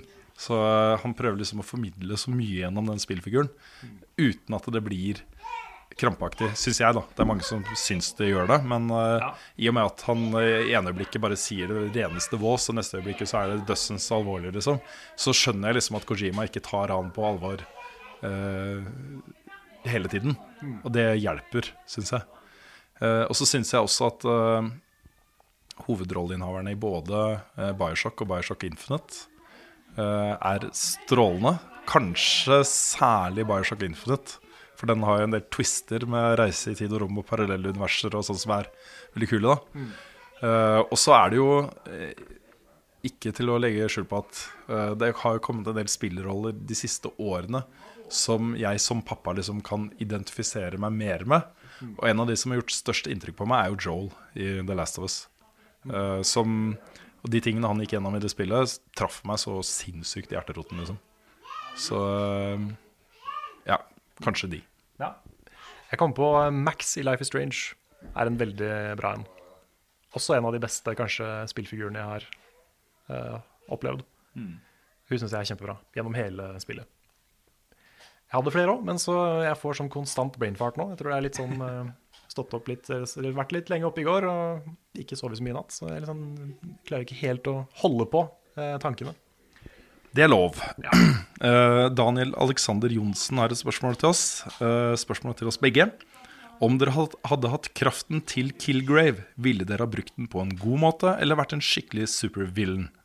Uh, og så skriver han i parentes Vet ikke om det finnes noen god måte å manipulere folk på, da. Killgrave er jo da skurken i eh, Jessica Jones første sesong. Jeg føler du er liksom dømt til å, til å bli en bad guy når du har en sånn power. Men eh, jeg vet ikke. Det er jo en episode hvor, hvor, eh, Jessica Jones Er det spoiler? Det er kanskje, kanskje litt spoiler. Men det er, de leker med tanken på at sånne powers kan brukes til gode ting. Da. Det er jo vanskelig å se for seg liksom en sånn etisk, moralsk eh, måte å gjøre det riktig på. Men jeg kunne, jeg, jeg, det er en historie jeg gjerne skulle sett, liksom, hvor en person hadde sånne powers, men var en helt. Og måtte liksom prøve å ikke bli en bad guy. Det kunne vært en kul eh, story. Det er en kul story, men jeg ser liksom for meg hvor, hvor vanskelig det har vært. Fordi uh, den kraften han har, er jo at uh, han kan få folk til å gjøre akkurat hva han vil. Han kan si liksom du uh, Nå skal du stå på ett ben og hoppe til du ikke har ben lenger, liksom. Så, så gjør du det. Eh, og det betyr jo at han kunne gått til Barack Obama liksom, og sagt Du, hør her, nå skal du kutte alle klimautslipp. Du skal gjøre det nå, liksom. Men det er, det litt det som gjør han så ekkel. Fordi han kunne jo tatt over verden. Men han, han bruker det bare på sånne ekle, petty ting. Han er liksom bare en sånn skikkelig sleazy jævel. Så det, det gjør han enda fælere, syns jeg. Ja, Men han er jo ikke udødelig, ikke sant? Altså, Nei, nei, hvis man kommer i en sånn situasjon hvor man driver og influenser folk overalt, liksom, så vil han bli catcha før eller seinere, og så er det over. Ja, det er sant. Det er sant. Men jeg tenker liksom hvor vanskelig det hadde vært da hvis man plutselig hadde fått den kraften og ikke bruke den. F.eks. hvis du har lyst til å dra og spille poker en kveld som du egentlig skal være hjemme og passe unger, liksom. Bare si til kona eh, du skal være hjemme i kveld og passe unger, du, for jeg skal ut og spille poker. altså, jeg, Det var et dårlig eksempel, kanskje, men, eh, men det er på en måte man, jeg tror man vil havne i sånne situasjoner hele tiden. Ja. Hvor det å på en måte bare få det som man vil, blir dominerende. Ja. ja, At man liksom ender opp med å bare rettferdiggjøre sine egne actions hele tida for seg selv, og så overbevise seg sjøl om at man ikke er evil. Men eh, jeg vet ikke, jeg tror, jeg tror man er uh, doomed til å bli korrupt av en sånn power. Men uh, hadde, vel, hadde jeg hatt sånne powers, så hadde jeg først og fremst vært livredd for å bruke de. Jeg hadde bare tenkt at herregud, jeg kan ikke snakke med mennesker igjen. Kanskje. Jeg ville ikke hatt den kraften. Nei, Jeg, jeg, aldri nei. Aldri i verden hatt den. Eh, Mathias Kolsrud Aase uh, lurer på om jeg kan si litt om hvordan det var å holde standup, og hvor vanskelig du syns det var å lage det, osv. Ja. Jeg kan si litt om hvordan det var. Uh, Jeg har fortsatt ikke sett, sett det i opptak. Vi leide jo inn et kamerateam med Hasse Hope og en kameramann som filma dette her. Og det var dels sånn at du skulle slippe å sitte der og filme, liksom. Men også dels for å ha det godt dokumentert da, i etterkant. Um, jeg uh, syns det var noe av det verste jeg har gjort noen gang. Jeg grua meg så vanvittig til å gå på den scenen. Og det ble faktisk litt lettere i eh, dagene og ukene før jeg skulle gjøre det, eh, det at jeg hadde gått i hele høst og grua meg til det. Fordi jeg hadde tatt bort det verste den første uka etter at jeg hadde tapt, og tenkte på at jeg skal holde standup. Så hadde jeg store problemer med å sove. Jeg syntes det var helt forferdelig. Men så ble jeg på en måte litt vant til tanken. Så det var ikke like ille den siste uka som det kunne ha vært. Men særlig siste dagen, den dagen jeg skulle opp dit og holde eh, standup, så eh, klarte jeg ikke å konsentrere meg om noe annet. Det var det, det, var det ene Altså, det var eh, fullstendig dominerende. Og det å gå opp på den scenen og se liksom ansiktene til folk fra den siden, da kobla hjernen min litt ut, altså. Da Det er liksom store deler av det showet som jeg bare rett og slett ikke husker. Jeg husker ikke hva jeg har sagt, hvordan jeg har sagt det. Jeg husker liksom bruddstykker her og der. Det, det var ganske traumatisk, egentlig. Så det, det kommer nok ikke til å skje igjen. Nei, jeg hadde en følelse av at du kom til å være liksom proff nok til å få det til. Eh, og det var det jo. Jeg syns jo det var bra. Jeg syns du, du fikk det til. Og du, det var morsomt. Folk lo, og det, folk ble til og med litt sånn glad i deg.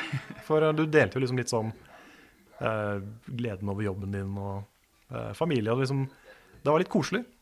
Og det var en veldig bra måte å gjøre det på. Takk. Det kommer aldri til å skje igjen. um, skal vi se. Et spørsmål til deg, deg fra Magnus Fløgum. Hva er dine tanker rundt Persona 4 Dancing All Night? Og hva syns du om at eh, Atlus vurderer det samme for P3, hvis P4 DAN, det står vel for noe, solgte bra som det har gjort? Um, jeg har ikke spilt det ennå. Jeg har øh, har vært inne på tanken om å kanskje sette meg inn i det, men jeg, jeg er så veldig ikke på dansespill. Så Nei, jeg har ikke så mye å si om det, egentlig. Jeg, hvis de vil lage et Persona 3, så kjør på. Det er jo en morsom ting, en morsom spin-off når du først skal lage noe. Syns jeg. Kristoffer Lien eh, spør oss hvilke tre spill ser dere mest frem til i 2016? Ja. Uh, Dark Souls 3, Persona 5 og Hva annet er som kommer i 2016 som er kult? Hvis Final Fantasy 15 kommer, så det. Kanskje. Jeg tviler sterkt på at Kingdom Hearts 3 kommer, så jeg sier ikke det. Men eh, ja. Videre. Eh, Det blir en litt sånn random liste, fordi det kommer veldig mye spennende neste år. Eh, Men um, The Last Guardian, selvfølgelig. Kommer det neste år? Det kommer neste år. Det gjør det. Og eh, Dishonored 2 Ja. og No Man's Sky. Kanskje de tre. Det er bra valg. Det blir et spennende år. Jeg tror på en måte 2016 blir et enda bedre år for meg enn det 2015 var. Uh, mer av mine, mine ting som kommer neste år, kanskje. Ja, ja, for dette her har vært veldig meg i år. Sånn hele veien, egentlig. Jeg har kost meg siden januar. Så jeg har ikke fulgt så mye troa, men jeg har, jeg har fortsatt troa. Vi har fått et spørsmål fra Steffen Lyngstad Solnier som jeg er litt usikker på om vi skal ta eller ikke. Fordi jeg vet ikke, jeg har ikke gjort research på det. Jeg vet ikke om han farer med løgner eller hva det er. Men okay, ok. eh, vi kan nevne det, og så kan vi liksom legge på disclaimeren her og nå at dette vet vi ikke om stemmer. Dette er ville spekulasjoner. Eh, han skriver nå det er nå bevist at taurin kommer fra oksesperm. Kommer Carl til å fortsette å drikke disse kreftfremkallende og nyresvekkende energidrikkene? Det er såpass, ja. Eh, Jeg har hørt at det er noe oksegreier. Jeg tror ikke det er oksesperm. Det tror jeg man har hørt et annet sted. Og det håper jeg han har hørt et annet sted. Men jeg drikker veldig lite energidrikk nå. Etter at rødbøren forsvant, så forsvant eh, kjærligheten min for den slags. Så nå er det sånn kanskje en Red Bull i uka. Så eh, jeg har ikke lenger det der behovet for masse energy drinks. Så det, det problemet løste seg sjøl, egentlig. Eh, Lars Grøtne spør Eh, Han ønsker oss god tur og god jul, og i like måte. Eh, men spørsmålet er, av dere som bruker briller, hvordan syns dere det funker med VR? Og det er jo et, et stort og viktig spørsmål. Fordi den optimale VR-opplevelsen er når du slipper å bruke briller. Så det vi håper på, er jo at det vil komme VR-briller hvor du kan få eh, prescription glasses. Altså linse med styrke. Ja, det er jo en viss overlap, vil jeg si, mellom eh, folk som er interessert i VR og folk som bruker briller. Så mm, jeg håper de liksom tenker på det. I hvert fall sånn som jeg. Jeg har sånne skeive hornhinner og litt sånn eh, crazy briller. Som har litt sånne rare, rare tall. Så mm, jeg håper jo de, de legger til rette for det.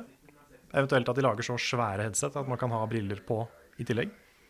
For det, med den Oculus Riften, Oculus Riften, Oculus Riften som vi prøvde, så var ikke det så lett. Der var det et problem. Så får ikke håpe det fortsetter å være et problem. Nei, Det er jo mulig å ta disse VR-headsetene over brillene dine, eh, og det blir VR av det. Men det er ubehagelig. Det føles ikke godt, og man kan ikke sitte her i timevis. Det skal man kanskje ikke gjøre uansett, men eh, eh, man bør helst ikke det. Så uh, enten ha veldig små briller, små runde tett inntil øynene eller et eller annet, eller ja, Små Harry Potter-briller. jeg uh, har jo eh, dagslinser som jeg bruker eh, til sanne ting, liksom. Ja. Eh, så jeg tenker at når jeg kommer til å bruke VR mer, så kommer jeg til å skaffe meg liksom dagslinser og sette på de når jeg skal ta på VR-headsetet. Men jeg har ikke noe særlig skeive hornhinner og sånn, så det tror jeg skal gå greit. Nei, Hvis jeg skal ha linser, så må jeg ha sånne glasslinser. Sånne der feite greier som du putter inn i øyet og bare blør og forferdelig. forferdelig. Så det er ikke aktuelt for meg. Kanskje litt overdramatisert, men bare litt. Kanskje. Uh, spørsmål fra Fredrik Christensen. Hva slags forhold har dere til den andres favorittserier? F.eks. Carl, hva er forholdet ditt til Metal Gear Solid? Og Rune, hva er ditt forhold til Final Fantasy? Forholdet mitt til Metal Gear Solid er at jeg er interessert, men jeg har aldri fått somla meg til å begynne. Men jeg har øh, fortsatt, tror jeg, lånt øh, Twin Snakes av deg, og vil spille det. Kanskje jeg skal få gjort det i jula. Nå har jeg liksom ikke noe spill jeg skal anmelde, så nå, nå er det kanskje the time. Men jeg vil, eh, vil spille det. Jeg vil spille femmeren også, for det er det ene spillet fra i år jeg ikke har rekke å spille. Så det, det er synd. Jeg hadde lyst til å få med meg liksom alle storspillene, men det har jeg ikke klart. Bare en ganske stor andel. Mitt forhold til Final Fantasy er Jeg har ikke spilt liksom alle spillene. Jeg har spilt eh, Final Fantasy 7 og 10. Uh, ja, det er vel de to jeg har spilt. Uh, jeg liker det, men jeg er ikke så glad i turbasert slåssing. Så de, jeg mista interessen for de spillene ganske tidlig. Uh, jeg, har, jeg har ikke kommet igjennom noen av dem. Jeg har bare spilt i noen timer. Um, jeg, jeg liker jo spill med skala, som det tar tid å komme inn, og som er store å utforske, og som uh, vokser på deg gradvis og sånne ting. Men akkurat når det gjelder uh, turbasert slåssing, så blir det ofte en sånn litt for høy terskel for meg å komme over. Så derfor så har jeg heller ikke investert veldig mye tid i Final Fantasy-spillene.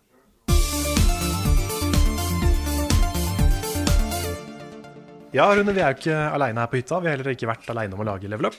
Vi har vært så heldige at vi har fått eh, lov å besøke hytta til Jon Cato. Og Jon Cato står her og rydder ut av oppvaskmaskin. Jeg tenkte jeg kunne spørre deg, Jon Cato, om du har noen eh, spesielle minner fra tida di i Level Up?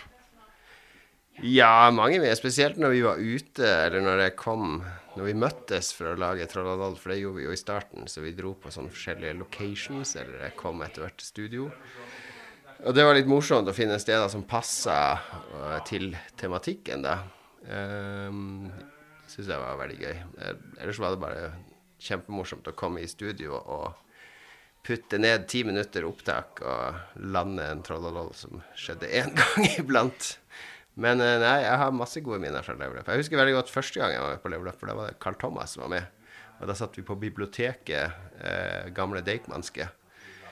Fordi det skulle vi snakke om spillbøker, for da hadde jeg skrevet bok sammen med Anna Aarseth, og så hadde Maren Agdesten skrevet bok. Så det var liksom spillbøker var i vinden den høsten, og det føltes veldig som Bokbadet eller noe sånt, for vi satt i sånne komfortable lenestoler og diskuterte spill som kultur, og nei, jeg syns det det har utvikla seg voldsomt siden da. Du har jo vært uh, veldig viktig for programmet, og eh, spalta di har vært en litt sånn bærebjelke i programmet også, så lenge du holdt på helt til du slutta. Uh, så bare tusen takk for innsatsen. Det har vært uh, kjempekult. Vi har et spørsmål til deg også. Eh, hva syns du vi skal gjøre nå? Jeg tror det er bare større og større behov for meningsbærende både journalistikk, men også eh, kritikk og ikke minst eh, diskusjon om spill i samfunnet. Så jeg tror at hvis dere klarer å være en eller annen slags kanal for å diskutere spill som kulturuttrykk videre i samfunnet, eh, enten uavhengig av store nettmedier eller medier generelt, eller som en del av et annet konsept, så håper jeg at dere klarer å fortsette med det. Vi får se. Det, har, det er fristende. Det sitter en ganske stor gjeng fra Level Up her og spiller Love Letter. Audun, vi tenkte vi kunne spørre litt rundt her eh, hva dere, hva dere husker fra Level Up, om dere har noen spesielle minner. Ja, jeg har vært med i siden 2014, starten 2014, så er det snart to år nå. Uh, det Husker vel egentlig første perioden da det var litt spennende. Og jeg hadde jo ikke vært så mye på kamera før. Jeg har jo skrevet om spill og sånn for gamer og, og industri. men jeg hadde ikke vært så mye på kamera. Så valgte nervøs de første gangene der, og det var veldig koselig å liksom komme inn i studio og snakke med Rune. Og så kom du innom med, med en liten boks med brus av og til. Og, eller, det er antakeligvis det jeg personlig husker best, men uh, uh, husker også musikalepisoden ble ganske spenstig. Ja, du sang jo faktisk uh, på VG. Det gjorde jeg. Det er første og siste gang jeg synger på VG, antageligvis. Så da har jeg fått gjort det da. Det er noe å putte på CV-en. Frida, du er jo vår nyeste eh, familiemedlem. Vårt nyeste familiemedlem. Ja, det er jeg. Jeg har jo bare vært her et halvt år før, eh, før det avslutta dette her.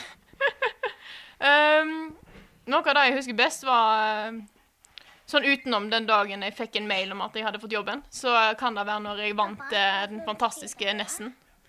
Da var eh, hele den helga der vi holdt på å filme både filme duellen og alt det der, det var, det var utrolig kos. Mm. Bjørn, du har jo blitt sendt på diverse eventyr for, ja. for Level Up. Har du noen spesielle minner? Har jo mange minner. Jeg tror Japan-turen var uh, når jeg plutselig sto alene i Tokyo. Det var Det var et minne. Og jeg har aldri vært så utilpass, jeg har aldri vært så sliten. Og som jeg også sa, jeg kjente en eim jeg ikke har kjent siden Battlefield 1942, for jeg var så svett på flyet. Så det var, eh, det var et fantastisk minne, rett og slett. Selv om det var på en måte litt, litt ubehagelig. Det var, eh, det var helt fantastisk. Hvor mange prosent godt og hvor mange prosent vondt var det minnet? Der og da var det sånn 80% vondt, men i 100, det, er, det er bare godt i ettertid. Rett og slett. Det er godt å høre at ikke vi har traumatisert deg for livet. liksom Nei, på ingen måte. Dere har gitt meg minner for livet, rett og slett. Ja, men det er bra. Det var, det var fint sagt. Svendsen, må spørre deg også om du husker noe spesielt fra, fra tiden din med oss. Ja, altså Jeg må jo si litt som eh, Frida. Jeg må jo det at eh, den dagen det plutselig sto i innboksen min at det var en mail fra selveste Rune Fjell Olsen, da, da kjente jeg at eh, det begynte å banke og krible litt i hele kroppen. Og det var jo sånn cirka halv åtte eller sånn på morgenen. Og ingen jeg kjenner er jo våken så tidlig på morgenen. Men jeg hadde jo lyst til å fortelle alle at ja, nå skal jeg bli han sånn der nerd på level up, jeg òg.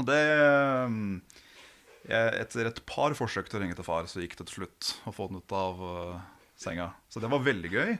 Um, ellers så Det er så mye å ta. For det har uh, Jeg har vel òg vært med nå omtrent like lenge som Audun. Det er jo nesten to år nå. Uh, men den, den Jeg har aldri blitt bedt om å gjøre noe lignende som med den uh, musikalepisoden. Det, um, det, var, det, det var fem dager å tørre om man skulle gavle inn i mikrofonen, og så blei bare resten litt sånn Ja, OK, vi, okay ja, fint. Så det var gøy. Der hadde du en sånn uh, heavy metal eller sånn uh, death metal-vri på det. Ja, det, det blei det. Jeg begynte først å synge på en Shovel Night-sang som skulle gå gjennom hele. Uh, og jeg hørte på den to-tre ganger etter jeg hadde recorda den, og jeg, ble, jeg begravde huet dypere og dypere i puta hver gang. Så tenkte jeg Vet du hva, nå, nå går vi bare og styrter en burn, så det blir litt hyper. Og så begynner vi heller å skrike i mikrofonen, og så tar vi det derfra. Og det gikk bedre, i hvert fall. Det var en veldig kreativ løsning, syns jeg.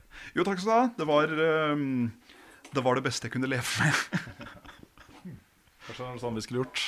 Det er Bare sånn noe et eller annet vi kan leve med, istedenfor å Ja, vi skulle lage Level Up The Heavy Metal Musical. Mm, kanskje. Vet du hva, Vi har jo en eh, som er med på hytteturen som ligger og sover nå. Jeg foreslår at vi går opp og vekker han. Skal vi gå opp og vekke ja, Lars? Ja, vi går opp nå og gjør det. Ja, så snakker bare- vi med han på sengekanten. Det kan vi gjøre. Ja. Det er litt hyggelig. Ja, det er litt hyggelig. Han Litt hyggelig. det er kjempehyggelig. Helt sikkert. Ja, så vi går opp. Vi bare lar eh, kameraet gå. Vi lar kameraet gå. Ja, den er god. Da går vi opp trappa på hytta, hvor, eh, hvor Lars sannsynligvis, forhåpentligvis, sover. Og Nei, Trym, sønnen til Jon Cato, er med oss opp her. Jeg lurer på om han er her. Nei. Jo, der ligger Lars under puta. Han, det er sånn køyeseng her. Så- Hei, Lars. Hallo, Lars. Vi eh, lager podkast, vi. Nå har vi snakka med alle de andre som er her, om, eh, eh, om tiden i Level Up. Og tenkte å høre med deg også. Du syns sikkert det er hyggelig å Nå har vi skrudd på lys, og det var mørkt der, og du lå og sov og, og sånt. Hva er ditt, dine favorittminner fra tiden i Level Up? Oi. um, favorittminner Da føler jeg meg rimelig groggy. Eh, samle tankene, så det er ikke bare bare. Det var ikke meninga å ta deg på senga. Ehm, det er helt greit. Men um, nei, favorittminner, det er uh, Det er helt sinnssykt mange. Men um, jeg tror nok at uh, de beste minnene er Det er nok turene vi har hatt. For eksempel til, til E3. Eh, det å reise med, med, med dere til, eh, til en så stor ting. Og eh, ikke, bare, ikke bare det å reise til E3, men det å gjøre hele turen, gjøre, oppleve ting sammen. Og på en måte lære av, av dere har liksom vært eh, Det har vært noe helt unikt. Og antageligvis eh, Ja, jeg vil si det er det beste jeg har opplevd. Så ja. Ja. Um. Det var, det, det var godt svart. Godt svart. ja. um, har du lyst til å sove litt til? Nei, nå er jeg egentlig ferdig. Det var ikke meningen at jeg skulle sove i det hele tatt, men jeg skjønner at jeg bare har sovna. Jeg lå og hørte på podcast og bare Ja. Slokna tydeligvis. Så Du hørte ikke på Level Upcast? Nei, jeg gjorde dessverre ikke det. Jeg gjorde ikke det. Det var ganske meta hvis du hørte på det, og så ble du avbrutt av det. Ja, ikke sant? Ja. Eh, Enda bedre hvis det hadde vært denne podcasten jeg hører på. Ikke sant? Så det hadde vært sånn der, ja. Ja. Se, kan se for deg det. Ja, nei, det var ikke det, altså. Men, uh, men, uh, men ja. Man be, folk burde høre på den, altså. Det er en bra podkast. Det ok, den, altså. Hvis, hvis ikke dere har hørt om Level Upcast og ikke har hørt på det før, så, så hør på Level Ja, Upcast. sant? Jeg foreslår at du setter oss på sengekanten her og avslutter podkasten også. Bare gjør Ja, jeg skal gjøre det. Ja. Ja. Nå har vi jo eh, tre eh, familiemedlemmer som ikke vi får uh, snakka med i dag. Det er jo Nick, Malin og Johan. De er ikke med byttetur. Men eh, har du noe siste du har lyst til å si, Rune? Nei, jeg, jeg vil egentlig bare takke alle som har eh, Først og fremst liksom alle som har vært med på å lage Level Up. Eh, alle de vi har snakka med nå, alle de du nevnte nå. Men også eh, de som har vært med tidligere, selvfølgelig Endre og Carl Thomas. Eh, Truls, som var veldig sentral i å filme og klippe det en eh, periode. Mm. Uh, også Martin på VG og ja, Hedda og mm. de som har liksom hjulpet oss da, opp Ja. igjennom har vært viktig. Men det aller, aller viktigste for oss, bortsett fra de som jobber med det, er jo de som hører på oss, de som ser på oss, sender oss tilbakemeldinger. Uh, og det, det har liksom Jeg har jobba som spilljournalist i snart 19 år. Og det har vært veldig mye blanda opp igjennom. Mye hatmeldinger og sånne ting. Men etter at vi starta Level Up, så er det pinadø liksom 99% positive ting. da Folk er ikke liksom kjipe, de er hyggelige, de kommer med hyggelige tilbakemeldinger. Og selv når de er kritiske, så er det liksom sagt på en hyggelig måte. Mm. Det føles så unikt. Det føles så uh, uvanlig å være i en sånn situasjon. Ja, ja, i hvert fall på internett, der hvor man, eh, man er helt sikker på at folk er dønn ærlige. Så, så, er det, så er det sjeldent og veldig hyggelig. Ja, kjempehyggelig. Og det føles som om vi har på en måte vært en del av en litt sånn utvida familie. Mm. Med folk som er liksom genuint opptatt og brennende engasjert i spill.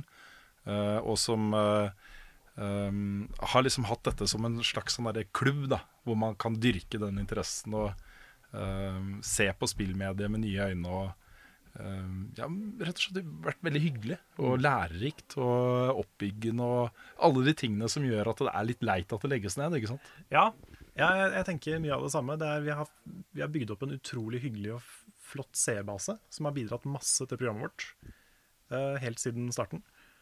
Og ikke minst har vi også samla en gjeng eh, med faste folk, og, altså frilansere og alt mulig, som har vært en så bra gjeng. Det er så mange bra folk som vi har samla til én ting. Og jeg har bare null prosent lyst til å gi slipp på noe av det, merker jeg. Ja, og så var det en ting som vi også snakka litt om i den podkasten hvor, vi, eh, hvor vi informerte om hva som hadde skjedd og uh, sånne ting. Og det er viktig for meg å si det igjen. Uh, det som jeg tar med meg fra denne perioden med level up, er de gode minnene og den følelsen av å ha vært så heldig at vi har fått lov til å holde på med dette her så lenge. Mm. Um, det er liksom sånn at det er ikke alt som kan vare evig. Og selv om vi helst skulle gjort dette liksom til vi pensjonerte oss, så er det liksom sånn går det noen ganger. Eh, og så får vi liksom ta vare på de gode minnene og ta vare på den gleden det har vært å få lage dette programmet. Eh, og jobbe med disse tingene på heltid. Være våre egne sjefer, styre våre egne budsjetter. eh, Bestemme selv hva som skal inn i programmet, og hva som ikke skal det. Og så videre. Alle de tingene som har vært så fantastisk flott, det er jo en gave. Det er jo på en måte noe, noe vi alltid kan ta med oss, uansett hva som skjer nå i 2016. ikke sant? Ja, Vi har vært eh, veldig heldige over veldig lang tid. Ja, absolutt. Eh, og så er det også mitt eh, soleklare høydepunkt i eh, hele min 19 år lange karriere i VG. Eh, uten tvil. Og det er kult, da. At det kommer liksom etter å ha vært i VG så lenge. Mm. Så får man være med på noe som er det beste man har opplevd i VG. Det er kult. Det er veldig kult. Jeg har ikke en fullt så lang karriere, men det er, det er høydepunktet mitt også, definitivt. Ja. Det som skjer nå, da, det er jo at vi eh, har et valg vi skal ta. eh, og valget er i praksis om vi skal fortsette i VG. eh, med å gjøre en del spillting, eh, selvfølgelig. Men også mye annet. Mm. Eller om vi skal søke om sluttpakke og søke lykken utenfor. Det er liksom Det er Begge deler er opplagt valg, på en måte. Det, er, det har sine fordeler og ulemper, begge deler. Mm. Men uh, det valget må tas. Og det skjer jo tidlig i januar. Ja, vi har, vi har tenkt mye i det siste. Vi har det. Og sluttpakkene legges ut 7. januar. Ja. Um, det sluttpakkevinduet er åpent en måned. Så i starten av februar så vet vi helt sikkert da, om eh, vi kommer til å fortsette i VG, eller om vi ikke gjør det. Ja. En ting som jeg føler vi nesten kan garantere, eh, det er at vi kommer til å fortsette med en form for podcast. I hvert fall at vi kommer med noen oppdateringer til dere eh, etter hvert. Kanskje under et annet navn. Muligens. Eh, At vi bytter navn på podcast, eh, det vet vi ikke ennå. Men, men vi, i hvert fall, jeg har lyst til å fortsette med dette her. Om ikke vi får muligheten til å fortsette med så mye annet. Nei, jeg har fortsatt lyst til å gjøre ting sammen med både deg, også først og fremst deg, men også Lars og alle de andre i, i Level Up-familien. Uh, og ikke minst har jeg også lyst til å fortsatt følge med på spillmediet. Være en del av det og mene noe om det og spille de tingene som er interessante og alle de tingene der. Da har jeg ikke lyst til å gi slipp på det, liksom. Nei. Så om jeg ikke får lov til å gjøre så mye av det i VG som jeg har lyst til, så blir det jo på fritida og i andre sammenhenger, på en måte. Mm. Så det kommer noe. Uansett, liksom, så kommer det noe. Eh, og så må vi bare informere folk da, om hvor det er og sånne ting. Ja, det, det beste man kan gjøre, er jo kanskje å fortsette å følge oss på Facebook og Twitter og YouTube og diverse ting. Så, Mm. Så skal vi gi dere beskjed om hva, hva som skjer. Ja. Og i mellomtiden så uh, Ja. Tusen takk for alt. Ja, tusen takk for absolutt alt i eh, ni sesonger. Yes, og god jul og godt nyttår. Vi ses kanskje igjen en dag.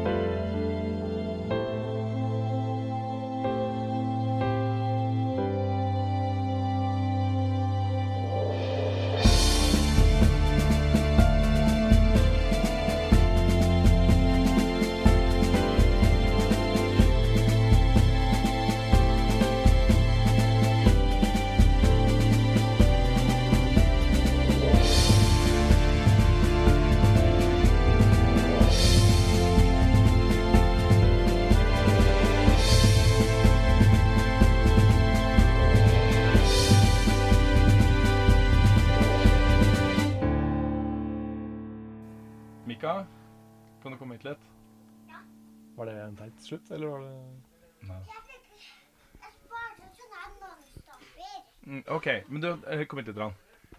Nå, nå, kan, nå skal vi si Mikael, vet du at uh, level up legges ned, og så sier du seriøst? Kan du gjøre det? Ja, si det. Det er kan du morsomt. kom- komme hit til mikrofonen? Det hadde vært kjempemorsomt. Seriøst. Du må komme litt nærmere, Mika. Du må komme, du må komme inn her. Mika? Da er du kjempetøff. Skal det bli taco snart òg? Ja. Ja. Det... Ja, vi skriver. Har du et enkeltpersonforetak eller en liten bedrift? Da er du sikkert lei av å høre meg snakke om hvor enkelt det er med kvitteringer og bilag i fiken, så vi eh, gir oss her, vi. Fordi vi liker enkelt. Fiken superenkelt regnskap.